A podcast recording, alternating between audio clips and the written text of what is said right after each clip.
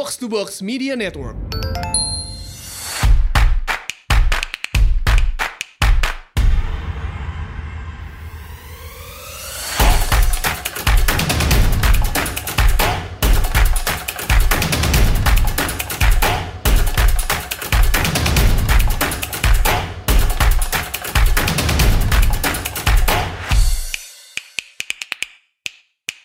Selamat datang di Asumsi Bersuara dan sebelum kita mulai nih, gue mau cerita eh, banyak banget yang nanya ke gue gimana sih caranya kalau mau bikin podcast karena mungkin banyak yang pengen juga kali ya bikin podcast buat macam-macam topik lah terserah kalian gitu. Nah kalau kalian punya ide buat bikin podcast, paling gampang udah adalah pakai Anchor. Jadi Anchor.fm nih ya.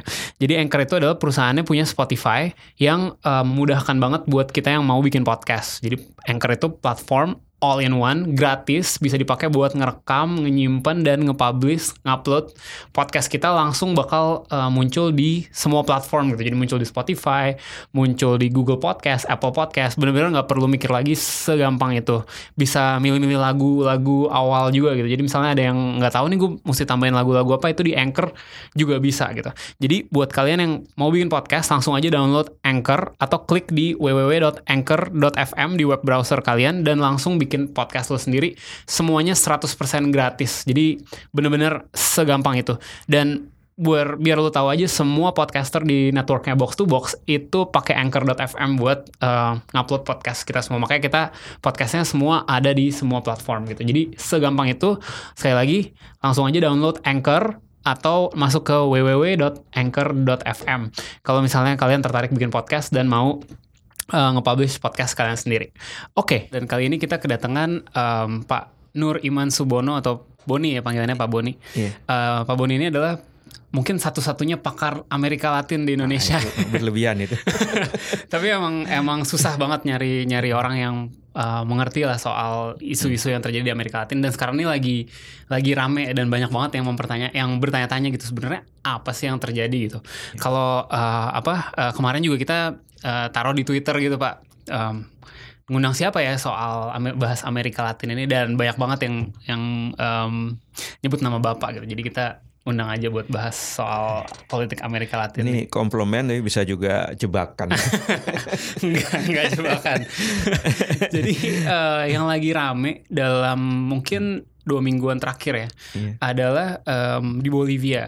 Iya. Jadi di Bolivia itu kan kemarin em, ada katanya ada irregularities di pemilu Iya. sampai ada berminggu-minggu ada apa protes dan akhirnya sampai Presiden Evo Morales Iya. mengundurkan diri. Iya. Kemudian wakilnya juga mengundurkan diri. Iya. Kemudian ketua DPR-nya yang dari partai yang sama juga mengundurkan diri. Sekarang akhirnya yang jadi presiden dari partai lawannya dan mereka mereka kayak bilang ini ada kudeta gitu ya. Iya. Um, kalau um, Mas Boni sendiri melihatnya seperti apa sih? Uh, apa sih sebenarnya yang terjadi? Ben- Bener nggak itu kan narasi yang kita dengar di Indonesia Iya. nih dari sumber yang sedikit gitu. Ya sebetulnya kalau bicara Bolivia kita bisa lihat dari dua hal ya. Hmm. Yang pertama kita lihat coba eh, historisnya lah ya. Hmm, Yang kedua mungkin kita bisa bicara yang apa yang sedang terjadi ya. hmm, Kalau historisnya adalah Bolivia negara dengan 70% mayoritas indigenous people ya. hmm, Dan tapi untuk waktu yang lama Bolivia sebagai negara miskin dan yang the poor of the poorest ini kebanyakan dari indigenous. Indigenous ini maksudnya pribumi uh, Ya, penduduk asli ya. orang Indian ya. Sebetulnya kata-kata orang Indian agak menyesatkan ya Oke, karena iya. dulu tapi nanti itu kita bicara Oke, nanti oke. ya. Dan indigenous ini sangat heterogen, banyak Hmm. ya. Eh, Quechua, ada Aymara yang Evo Morales ini dari Hmm. Aymara ya. Intinya etnis. bukan kulit putih lah ya. bukan kulit putih. Bukan kulit putih. Ah, ah, Oke. Ya. Nah, untuk pertama kalinya di Amerika Latin orang seperti Evo Morales bisa terpilih ya tahun 2005 kalau saya tidak salah. Hmm. Dan itu yang dia ingin mencoba melakukan perubahan-perubahan untuk lebih memberi eh, manfaat lebih banyak buat masyarakat yang lebih miskin, yang mayoritas memang indigenous. Hmm.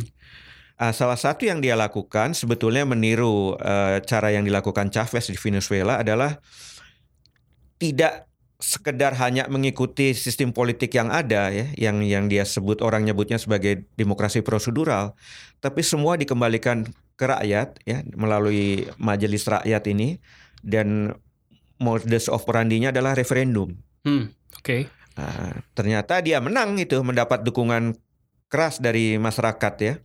Dan dia berupaya untuk tetap di sana. Ah, ini persoalan muncul Oke. kemudian ketika yang keempat ini dia ingin maju lagi dan dia mengatakan terpilih saya yang pertama dan kedua tuh tidak bisa dihitung. Saya sebetulnya baru aja ini karena waktu itu suasananya masih chaos gitu Hmm. ya. Sebentar ini maksudnya tadinya ada ada batasan batasan Iya. boleh menyalonkan diri berapa kali kayak di Indonesia gitu ya? Iya, kalau di Amerika Latin memang rata-rata ya itu sekali. Oh rata-rata sekali. Kalau kayak enam tahun, dia bisa maju lagi setelah satu atau dua periode. Hmm. Dia bisa mencalonkan lagi. Ya, itu seperti di Brazil, seperti itu biasanya begitu. Hmm. Ah, tapi pengalaman mereka orang-orang yang selalu terpinggirkan ini, sistem ini sebetulnya tidak menguntungkan kami. Misalnya kayak di Venezuela itu ada yang disebut punto fijo ya. Jadi sistem politik yang ganti-gantian aja antara Kristen Demokrat dan Partai Liberal. Hmm. Bahkan mereka sharing untuk beberapa kebijakan ekonomi mereka sharing. Eh, Ini nggak melibatkan masyarakat. Hmm. Makanya orang kayak Chavez, orang kayak Evo Morales di Bolivia atau Rafael Correa dulu di Ekuador berusaha menembus itu dengan mengembalikan legitimasi itu pada masyarakat melalui referendum atau petisi. Hmm. Dan ternyata benar mereka bisa menang. Dan setelah menang yang dilakukan adalah perubahan konstitusi. Ah, ini yang kemudian menimbulkan masalah dengan orang-orang yang dulu berkuasa. Oke, jadi si Evo Morales ini sempat mencoba mengganti konstitusi Bukan Venezuela. coba Eh, sudah sudah. beberapa konstitusi Oke. pasalnya itu dirubah. Salah satunya supaya dia bisa terpilih lagi lebih bisa dari terpilih lagi tapi sebetulnya lebih berkaitan dengan aset nasional ya. Hmm, oke. Misalnya pada waktu enam bulan setelah dia terpilih, dia sadar sekali bahwa beberapa perusahaan Bolivia terkenal dengan perusahaan gas yang cukup Ya. besar cadangannya ya.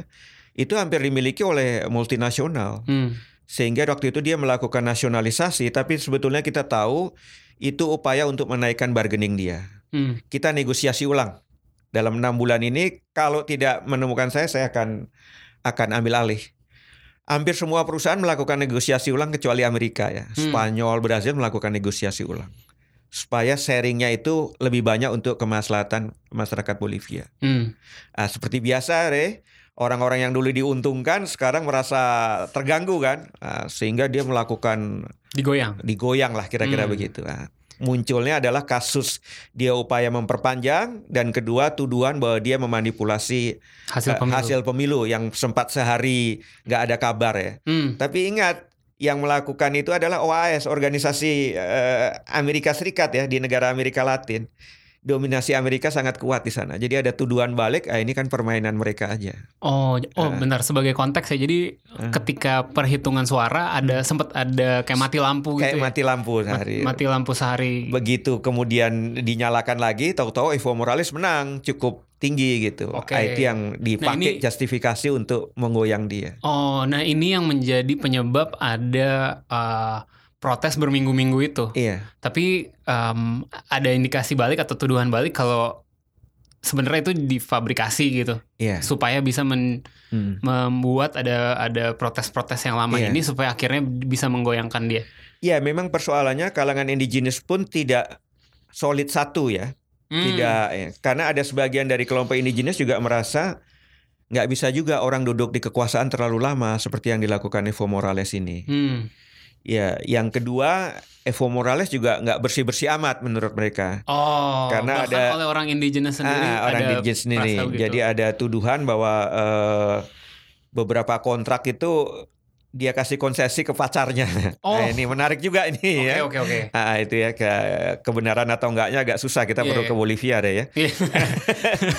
Tapi yang ketiga memang kalau dilihat dari referendum itu makin menurun dukungan terhadap Evo Morales. Oke. Nah, ya itu kira-kira yang mungkin bisa. Nah, terus akhirnya sekarang kan em, lagi chaos nih ya di Iya. di Bolivia itu em, akhirnya yang mengassume power adalah oposisinya Iya. yang mana dari partai yang dulu berkuasa ya. Iya. Eh, siapa Janet Anes Iya. dan sekarang lagi ada banyak keributan tuh eh, Hmm. Pak Pak Boni ya kalau kalau kalau kemarin saya baca-baca juga karena memang tentara, polisi semua berada di pihaknya si pemerintah yang baru Iya. ini itu kenapa ya kira?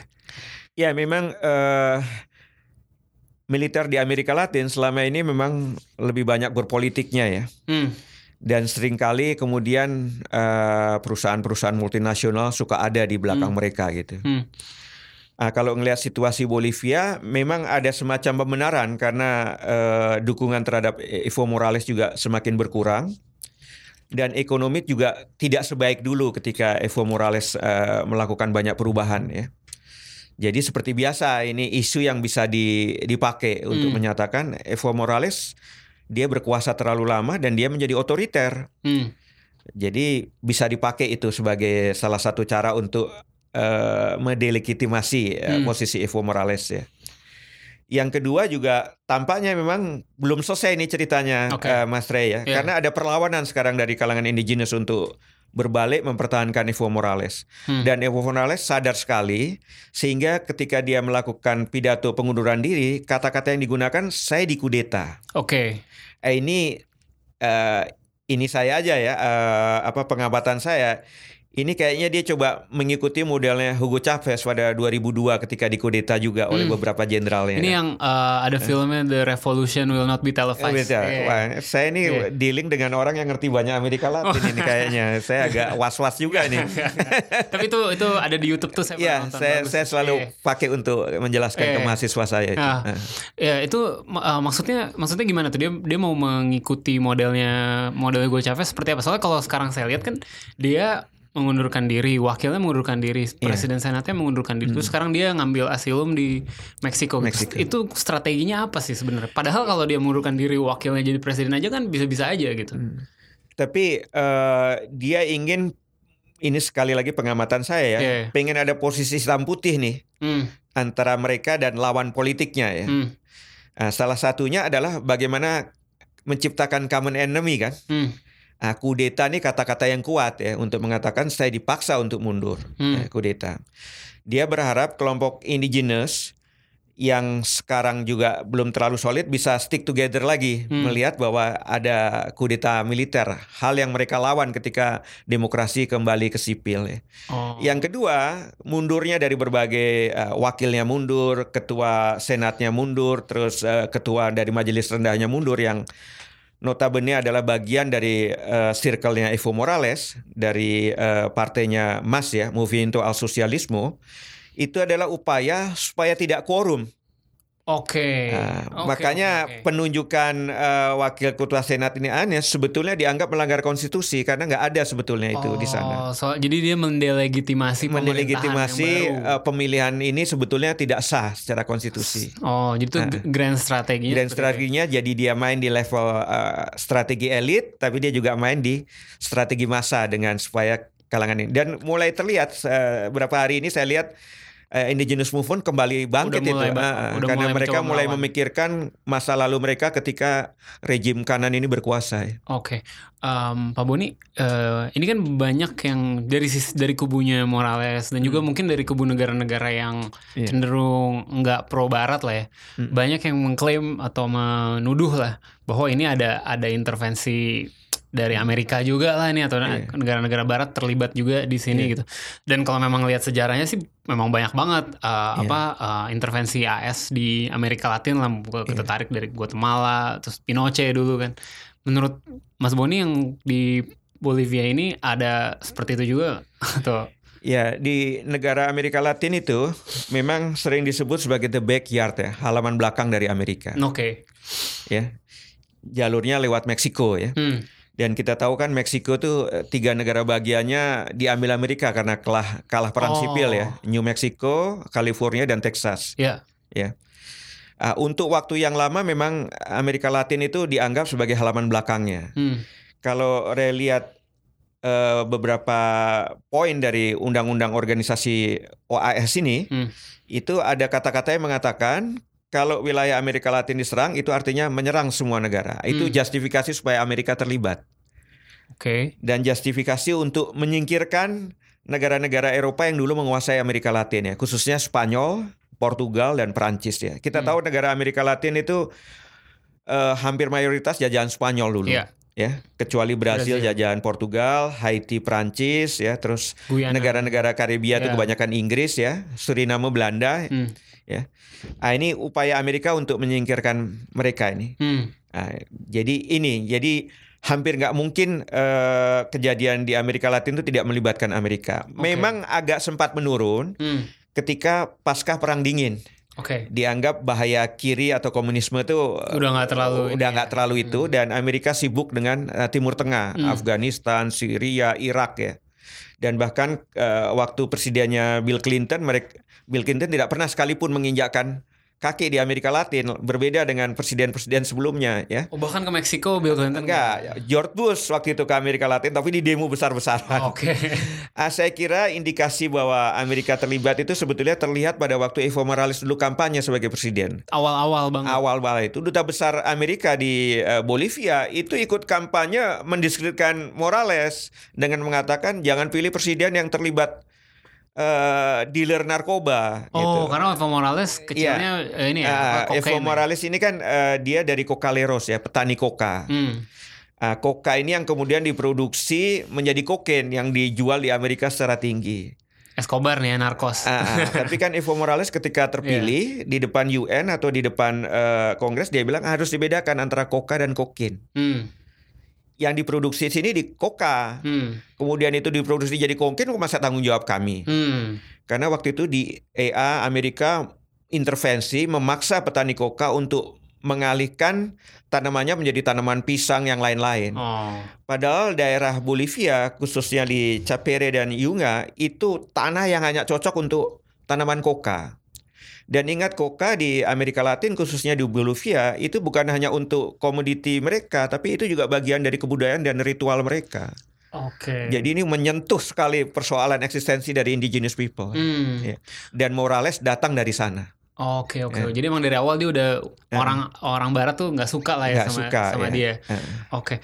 Kalau beralih dikit ke tetangganya nih, eh, Mas Boni, Venezuela juga Iya. sekarang sampai sekarang masih ra- masih Iya. bukan rame ya. Mungkin ramenya udah nggak serame awal tahun, tapi Hmm. masih belum jelas kan Iya. kan nasibnya. Jadi eh, kemarin tuh juga ada kondisinya mirip lah ada ada pemilu yang dipertanyakan gitu. Iya.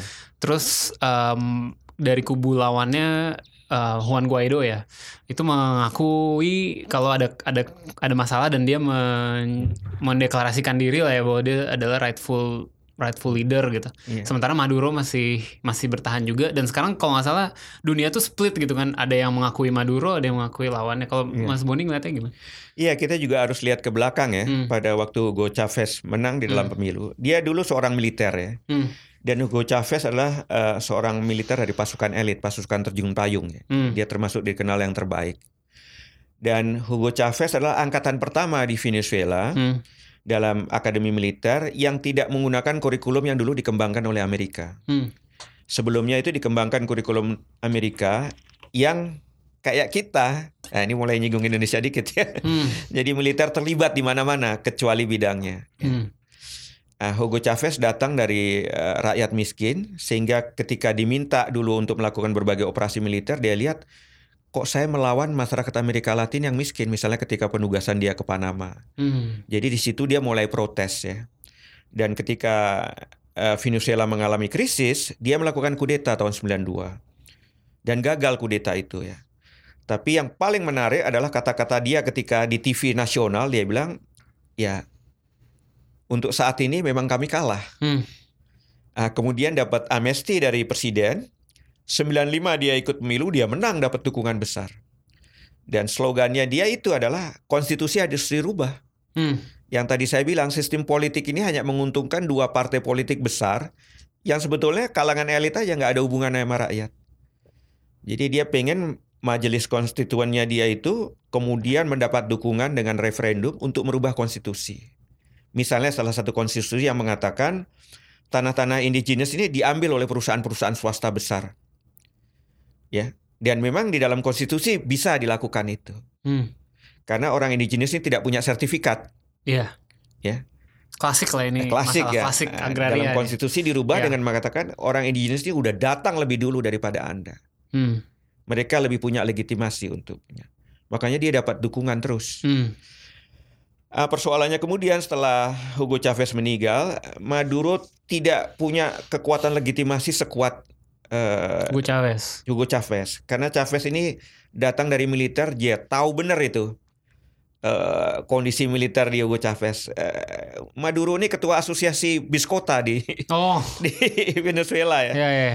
Dan kedua, dia tidak diuntungkan ketika dia kemudian mengambil alih posisi Hugo Chavez, harga minyak jatuh. Oh, betul, betul. itu betul, yang menjadi betul. persoalan. Padahal waktu harga minyak naik, program-programnya Hugo Chavez itu bisa berjalan.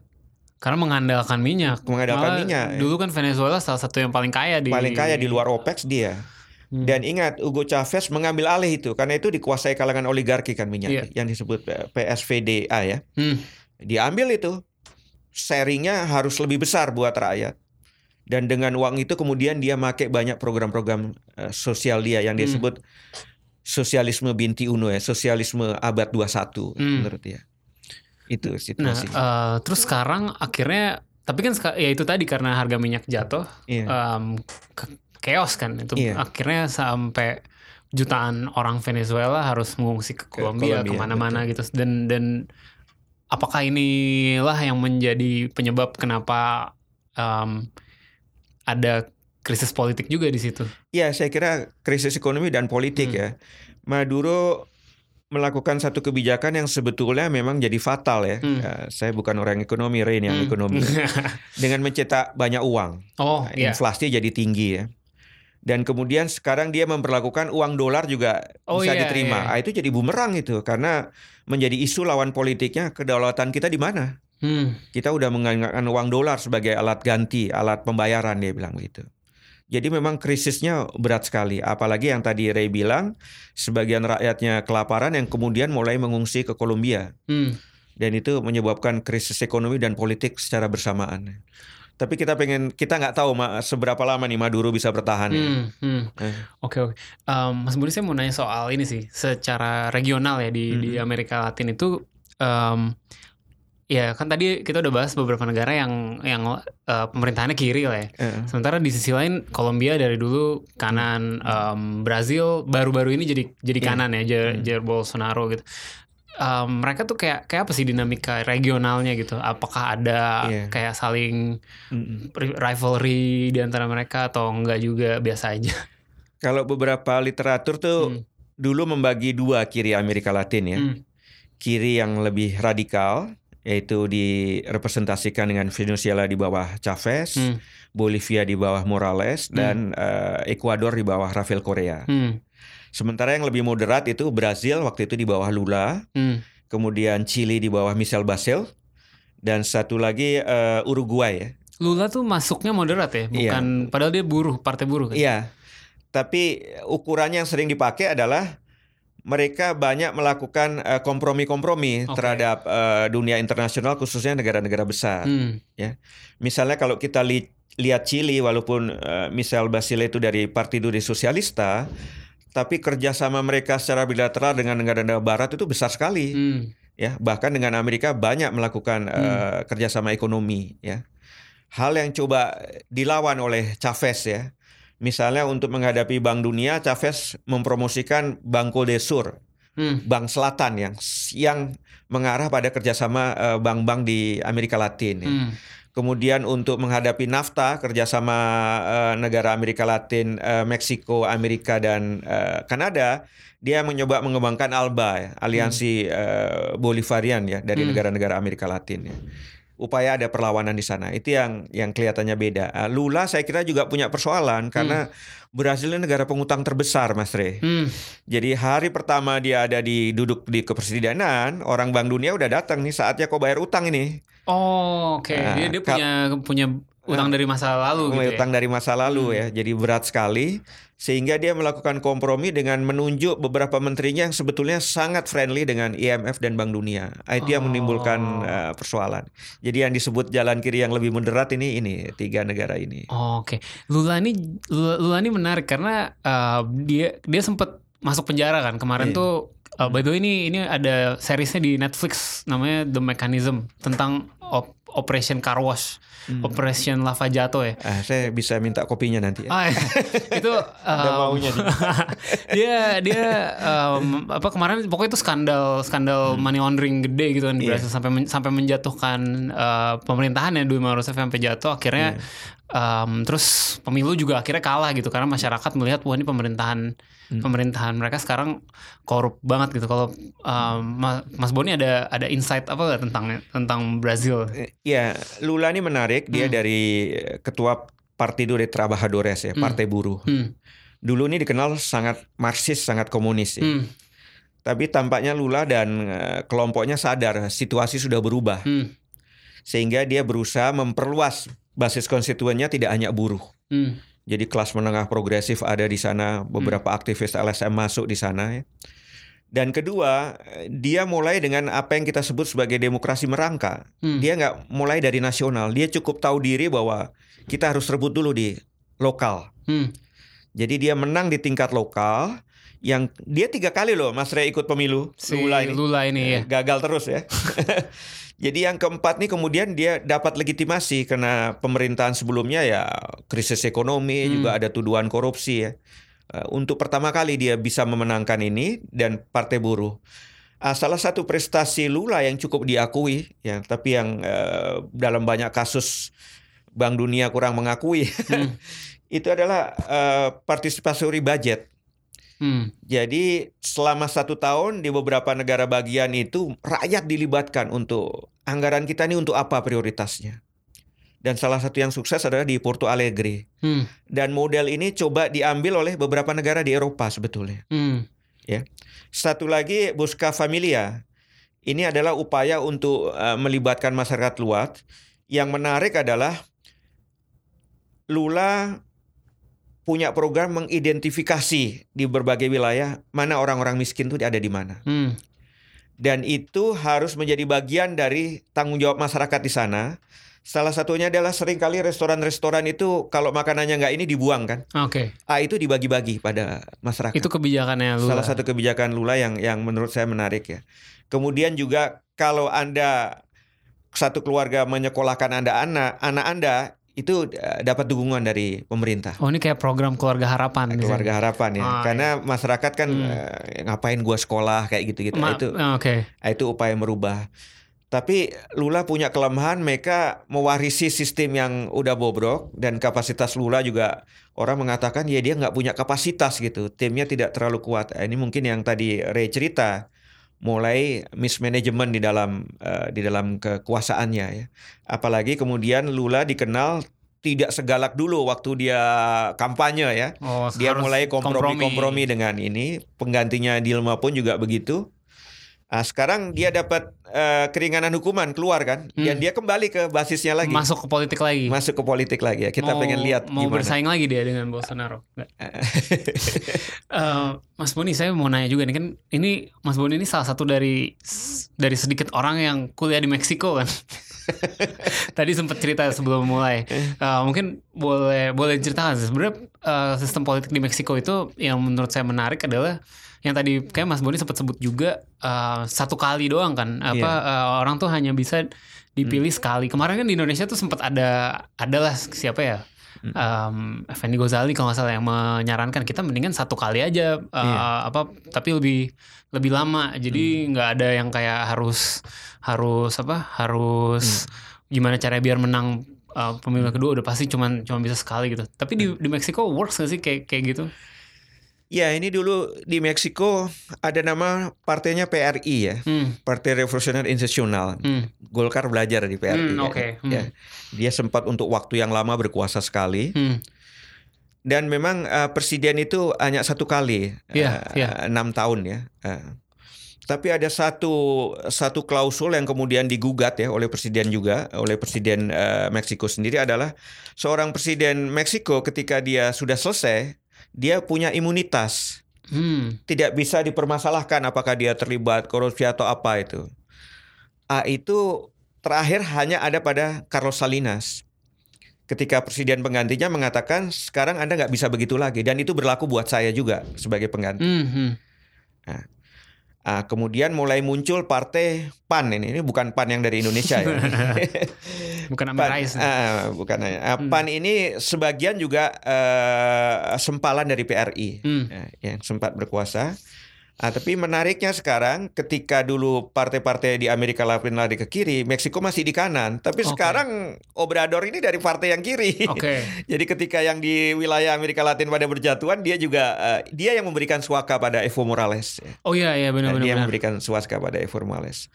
Jadi itu, uh, tapi kan kemudian kita tahu sistem seperti itu ada batasnya, Hmm. ya. Sehingga PRI pun setelah 80 tahun bisa dikalahkan.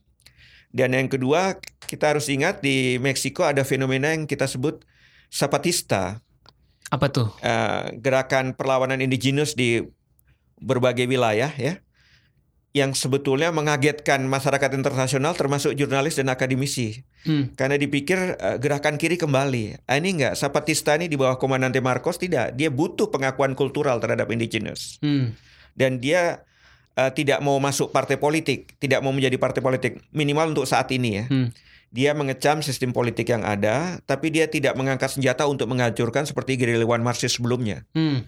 Ah, ini fenomena yang kemudian berkembang juga di berbagai tempat ya. Kebangkitan dari kalangan indigenous Hmm. sehingga PBB pun mengungkapkan ada tahun indigenous years ya untuk Oh. orang-orang ini. ya. Iya, iya. Em, kalau soal kalau bicara Meksiko nggak lengkap kalau nggak bahas kartel juga. Iya. Maksudnya em, seberapa kuat sih pengaruh mereka terhadap terhadap Hmm. politik gitu di sana kayak em, apakah misalnya pemilu-pemilu di eh, di Hmm. di em, Meksiko tuh juga banyak dipengaruhi kekuatan em, bisnis bisnis. Kartel narkoba ini yang kita Ini sering saya mau dengar. ngomong tapi jangan dianggap saya terlibat ya. Oh iya, kan dulu di sana mungkin kenal banyak eh, patron-patronnya. Jadi kita harus ngelihat sejarahnya ya. Iya. Sistem kolonialisme Spanyol di Hmm. Meksiko tuh beda dengan Belanda di Indonesia atau Inggris di uh, uh, semua wilayah termasuk Hmm. Amerika ya. Uh, kolonialisme Spanyol itu yang kita sebut sebagai conquista, penaklukan. Oke. Kalau kita kan hanya uh, Inggris kolonialisasi ya. ya. Ini penaklukan artinya dia ingin membangun dunia baru. Hmm. Dan salah satu yang kemudian bangunannya terbentuk adalah kelas-kelas tuan tanah. Hmm. Jadi kalau disebut tuan tanah di sana itu emang tuan tanah yang menguasai Feodal ya ini. nah, ratusan hektar ya. Hmm. Sedikit mirip di Asia Tenggara itu uh, Filipina karena pernah dijajah juga oleh Spanyol. Oh model model Ah, Spanyol modelnya. emang begitu Ah, ya. ah. Ah, karena penguasaan tanahnya besar, mereka sering kali butuh pasukan Hmm. untuk melindungi tanah-tanahnya ini untuk mengawasi budaknya, mengawasi buru-burunya.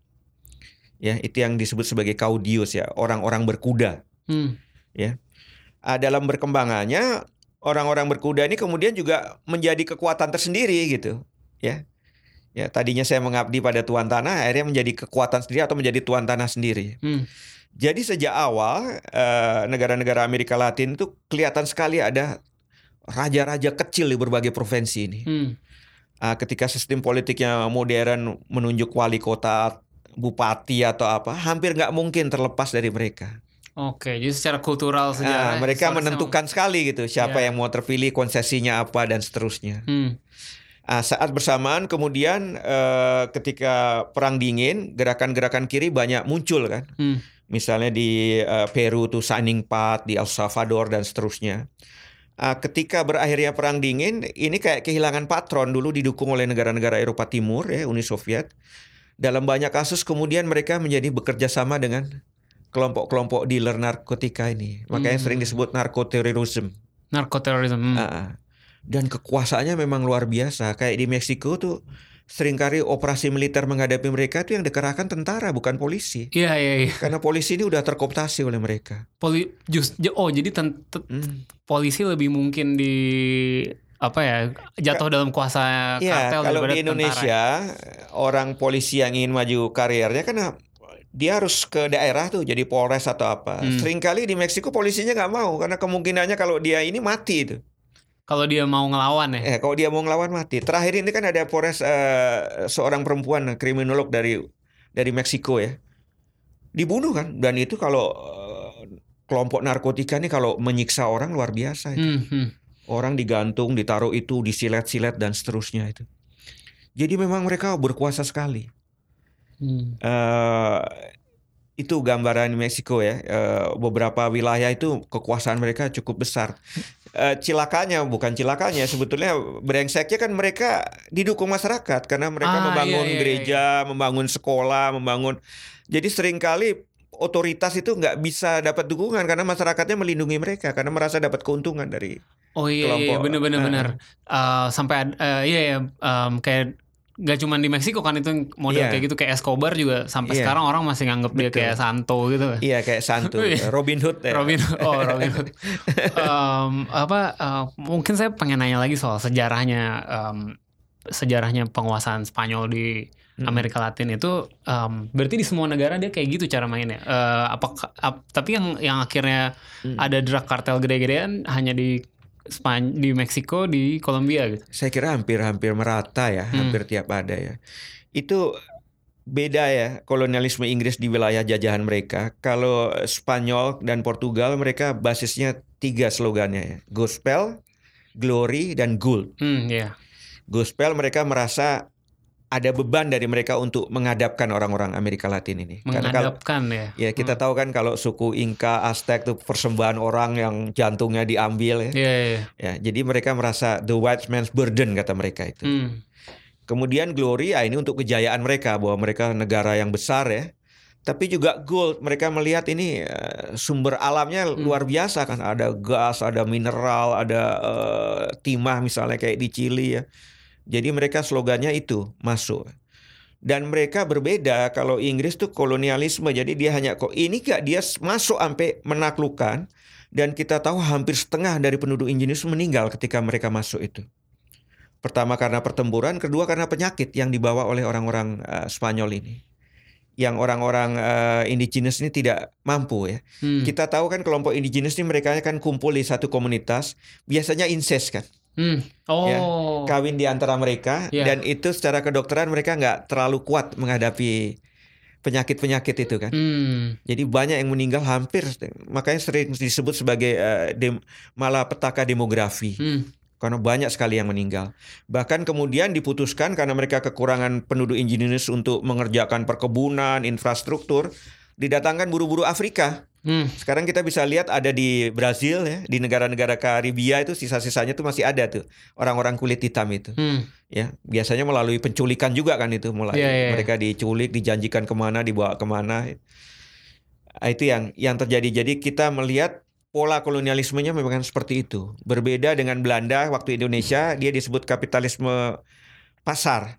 Saya ambil hasil bumi saya jual di pasar Selesai, internasional, iya. selesai. Iya. Ya, lo miskin atau enggak itu persoalan lo ya. Iya. Tapi kalau Spanyol dia benar-benar membangun apa yang disebut dunia baru Hmm. ya nu- eh, apa dunia baru ini ya dia anggap wilayah-wilayah yang kami datengin itu wilayah yang nggak berpenghuni jadi indigenous sih dianggap Siap nggak ada. ah, dianggap kurang ada. dari manusia ya. Ah, ah, ya Oke. itu. Kalau ter- terakhir kali ya ini masih tentang se- sejarah juga ini menarik mumpung ada mumpung ada Mas Boni. nih. Apa em, kenapa kenapa wilayah jajahan Spanyol jadi terpecah jadi banyak negara di, di Iya. mulai dari Meksiko sampai Hmm. eh, Chile, Argentina itu kan beda Iya. beda-beda semua gitu. Sementara em, setengahnya lagi kan punya Portugis jadi satu negara aja itu ada Iya. ada sejarahnya yang menarik. ada dua penjelasannya ya Hmm. jadi negara-negara model penjajahan Spanyol itu eh, mereka punya wakil raja di daerah jajahannya Hmm. dan dia bertanggung jawab pada raja yang ada di Spanyol Hmm. Portugis juga seperti itu Hmm.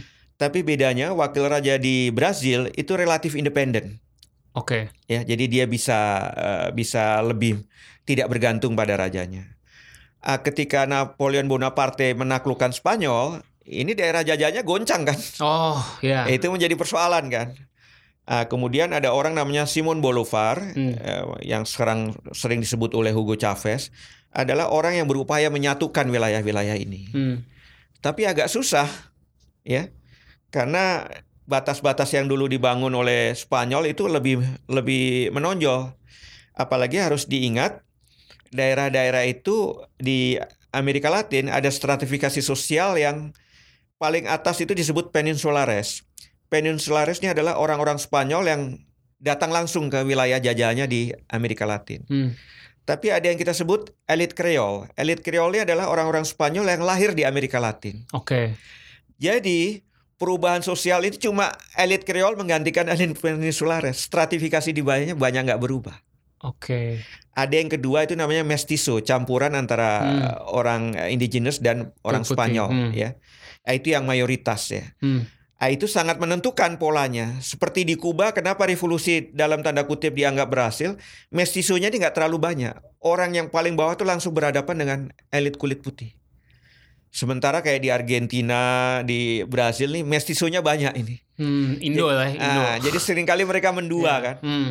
Ya oke ada perubahan tapi kok sampai revolusi mereka bisa kesapu juga kan. Oh, Oke, oke, Nah, oke. itu jadi modelnya seperti itu. Jadi lebih susah untuk Lebih untuk- susah lagi untuk untuk eh, revolusi ya ah, di ah. situ. Jadi revolusi di Amerika Latin tuh yang terkenal tiga ya, revolusi Meksiko, Bolivia dan Kuba. Hmm. Tapi kemudian banyak peneliti mengatakan di Bolivia tuh incomplete revolution karena sebelum stratifikasi berubah kudeta militer terjadi. Yang baru-baru ini. Enggak, yang Oh, lama. yang lama, yang Ah, lama. Jadi Oh. belum bisa tuntas. Tapi di Kuba itu terjadi transformasi sosial itu. Oke, oke. Iya. Mas Boni, kita udah hampir 40 menit nih. Eh, Ada lagi nggak hal yang menarik yang mungkin aku belum Hmm. sempet nanya nih? Ya sebetulnya ngobrol tadi ya pertama dengan Ray dengan Dinda di depan ya. Hmm. Kok banyak orang Indonesia nggak tahu ya. Hmm, hmm, Ya, hmm. Mungkin juga banyak orang Amerika Latin nggak tahu ya Indonesia ya. Hmm. Saya pernah lakukan survei kecil-kecilan. ya. Hmm. Saya tanya orang-orang Indonesia ya teman atau apa. Apa ini tentang Amerika Latin? Biasanya tiga itu. Pertama bola. Iya, Kita tahu iya, tentu. banyak pemain bola dari Iya, Amerika iya, Latin iya. ya. Kedua yang agak berkembang salsa Hmm. ya. Tari-tarian tango, salsa yang sekarang menjamur di mana-mana. Hmm. Tapi sebelumnya adalah telenovela. Oh iya, udah Yang- nggak udah nggak terlalu tuh. Nah, sekarang kalah dengan eh, ini Korea. ya, Korea ya. Saya Itu kecil ya. sih amigos tuh. Tapi yang menarik kalau kawan-kawan Amerika Latin Hmm. itu ya, saya sempat ngobrol dulu punya kesempatan di di eh, sana ngobrol. Itu yang cukup kaget adalah mereka pengagum Soekarno. Oh, Nah, iya. ini yang saya surprise ya. Hmm. Bahkan saya pernah di satu pesawat itu dengan orang Meksiko ketika dia tanya di donde eres saya bilang saya dari Indonesia. Ah Soekarno dia bilang. Hmm. Padahal waktu itu presidennya Soeharto. Jadi dia bilang enggak Soeharto. No no, Soekarno nomor uno dia bilang. Oke, oke, oke. Jadi ada perubahan. Yang kedua Bali ya. Hmm. Saya kira hampir semua negara ya ngelihat Bali itu. Tapi yang ketiga yang menarik adalah tsunami. Tsunami Aceh. Aceh itu. Hmm. Itu menimbulkan juga solidaritas. Kita tahu eh, apa solidaritas di Meksiko kawan-kawan saya cerita mereka concern ya. Dan kemudian juga gempa di Jogja itu kita lihat dokter-dokter dari Kuba datang ke sana, Hmm. volunteer dari Venezuela ada juga ya.